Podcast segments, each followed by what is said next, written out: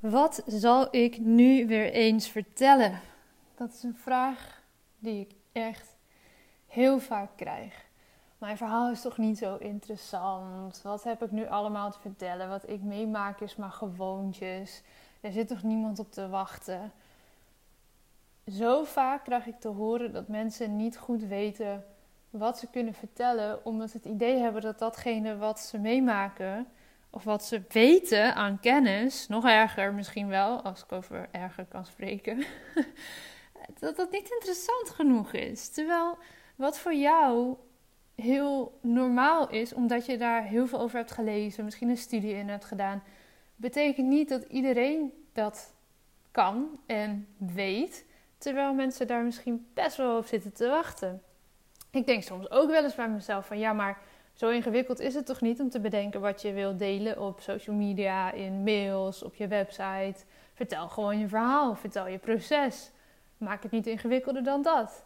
En toch weet ik ondertussen dat voor heel veel mensen dat best wel ingewikkeld is. En dat dat een zoektocht is naar wat is nu eigenlijk mijn verhaal? Wat is de rode draad in mijn verhaal? Wat wil ik wel en niet delen?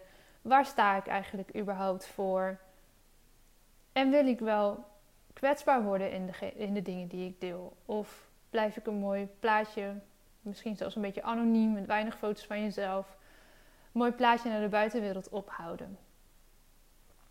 Het zijn vragen die heel vaak terugkomen. Ik, ik behandel ze ook uitgebreid in de basis toolkit storytelling. Mocht je echt op die individuele vragen meer uh, diepgang zoeken. En uiteraard bijvoorbeeld in een, in een VIP-dag duiken we helemaal in iemands verhaal. En dan ga je zien hoe mega veel jij wel niet te vertellen hebt. En hoeveel, uit hoeveel elementen jouw verhaal wel niet bestaat. Maar voor vandaag wil ik eens inzoomen op dat stukje. Ik liet het in de podcast van gisteren of eergisteren geloof ik al even vallen. Dat je proces je verhaal is. En dat je je verhaal dus niet buiten jezelf hoeft te zoeken.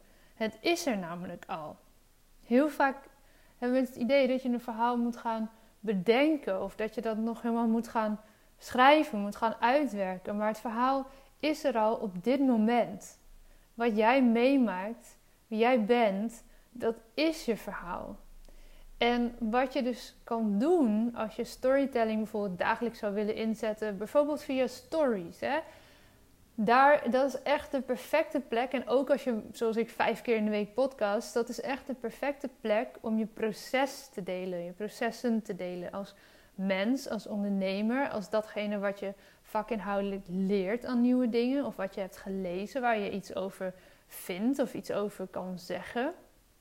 Dat zijn allemaal processtappen die gewoon in je dagelijks leven voorbij komen, waar jij dingen over kan delen. En dus hoef je die verhalen dan niet de hele tijd te bedenken, maar ze zijn er al.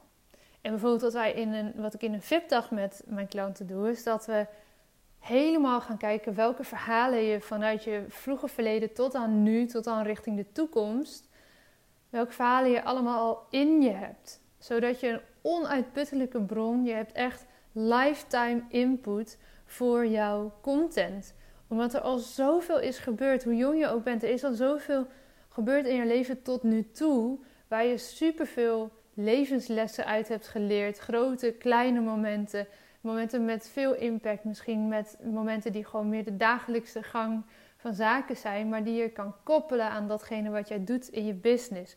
Al die stukken uit jouw verhaal kun je koppelen aan je business. En als je nog niet zo'n goed beeld hebt over wat jouw verhaal tot nu toe is en wat de rode draad tot nu toe is, en je wil niet gelijk bijvoorbeeld zo'n, hele, uh, zo'n heel VIP-traject aangaan, kijk dan eens naar wat er op dit moment gebeurt. Wat er afgelopen week bijvoorbeeld allemaal voorbij is gekomen aan momenten waar jij iets over zou kunnen delen. Je proces is je verhaal? Heb je bepaalde klanten gesproken? Heb je bepaalde nieuwe dingen gelezen of geleerd? Heb je uh, misschien een netwerkgesprek gehad?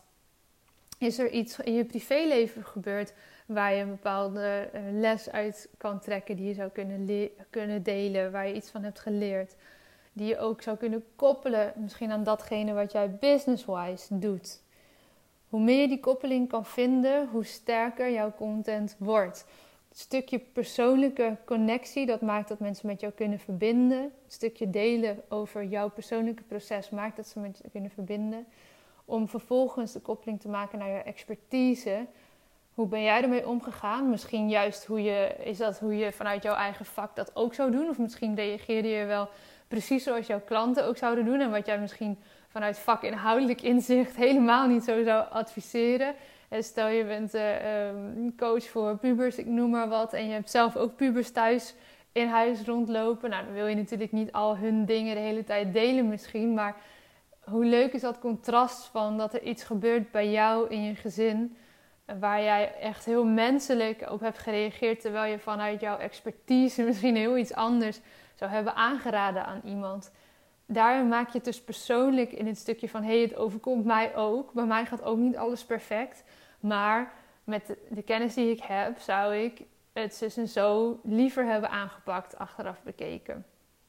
Je kunt dat soort situaties vanuit de privésfeer of vanuit vrienden, vanuit klanten gebruiken om te koppelen aan jouw expertise, de vakinhoudelijke tips die je hebt.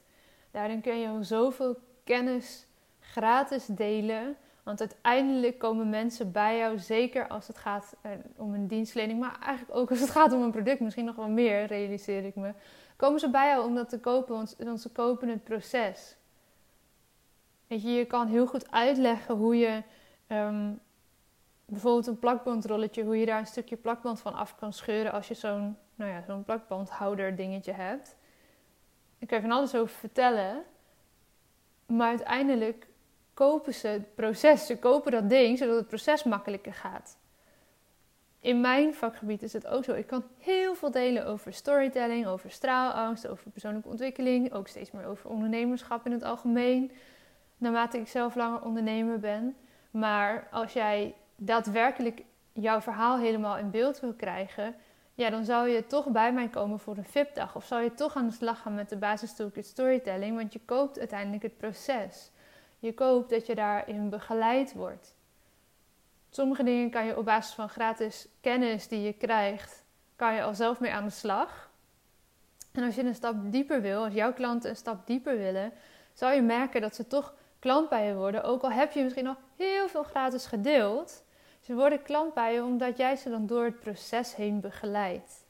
Dus wees ook niet te bang om te veel kennis prijs te geven gratis. In de vorm van podcasts, blogs, posts, mails. Doe dat vooral. Want daar hebben mensen direct iets aan, daar kunnen ze iets mee. En een deel zal daar voldoende aan hebben. Maar een heel groot deel zal ook daar zelf te weinig stappen actief nou ja, zelf in gaan zetten en komen alsnog bij je terug om begeleid te worden in het proces. En jouw persoonlijke proces, om weer even terug te komen op het beginstuk van deze podcast. Jouw proces is je verhaal. Je kan gaan delen wat je op dagelijkse basis meemaakt.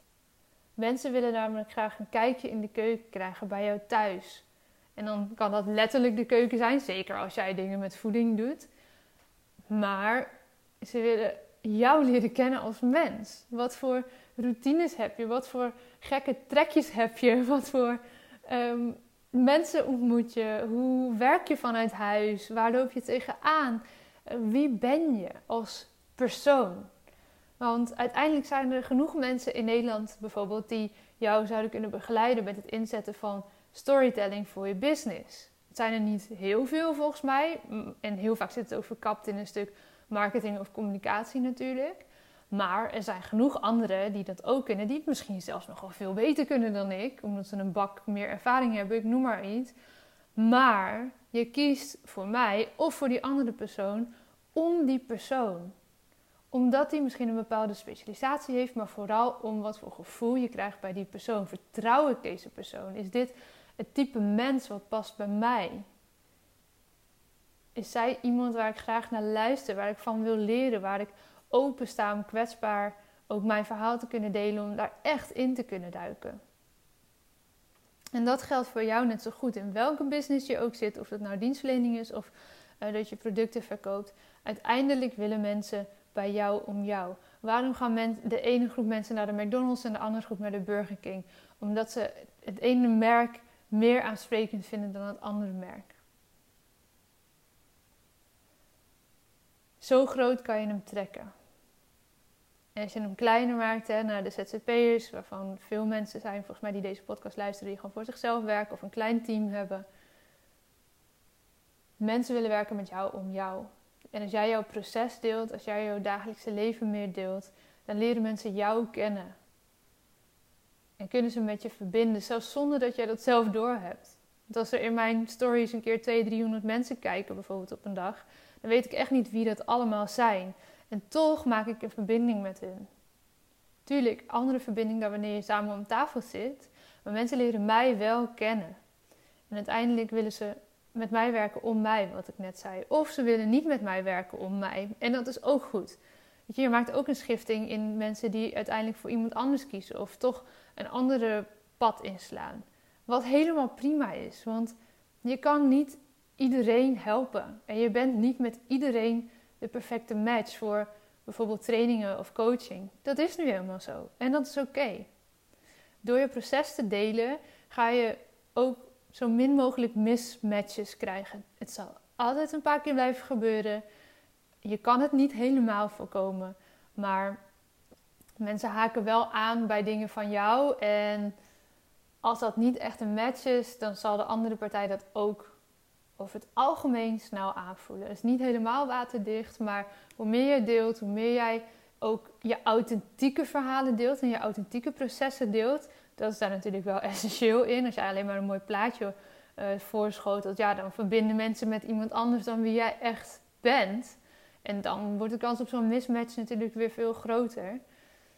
Dus deel, deel jouw authentieke proces. Deel hoe het er echt aan toe gaat. Deel wie jij echt bent. Laat mensen een kijkje nemen achter de schermen, maar ook echt achter jouw letter, achter jouw scherm. En dan bedoel ik je masker, je muur. Laat mensen daar achter kijken, zodat ze met jou kunnen verbinden. Deel je proces, want je proces is je verhaal. En op die manier hoef je nooit meer verhalen buiten jezelf te gaan zoeken, want ze zijn er al. Combineer het met een stukje kennisdeling zodat je die emotie pakt en vanuit daar dingen kan leren, aan andere kennisoverdracht kan doen. Misschien nog ergens een stukje feiten of cijfers in kan, uh, kan voegen ter onderbouwing. Maar ga vanuit jouw proces op dat stuk emotie zitten. Want daar zit de verbinding, daar is storytelling op zijn sterkst. En daar gaan uiteindelijk ook jouw potentiële klanten op aan of afhaken. En beide is goed. Beide wil je afdwingen door zoveel mogelijk jezelf te laten zien. Oké, ga ermee oefenen. Dan, morgen is het vrijdag. Dan staat er een podcast voor je klaar samen met Paula. En volgende week, maandag, hoor je mij weer.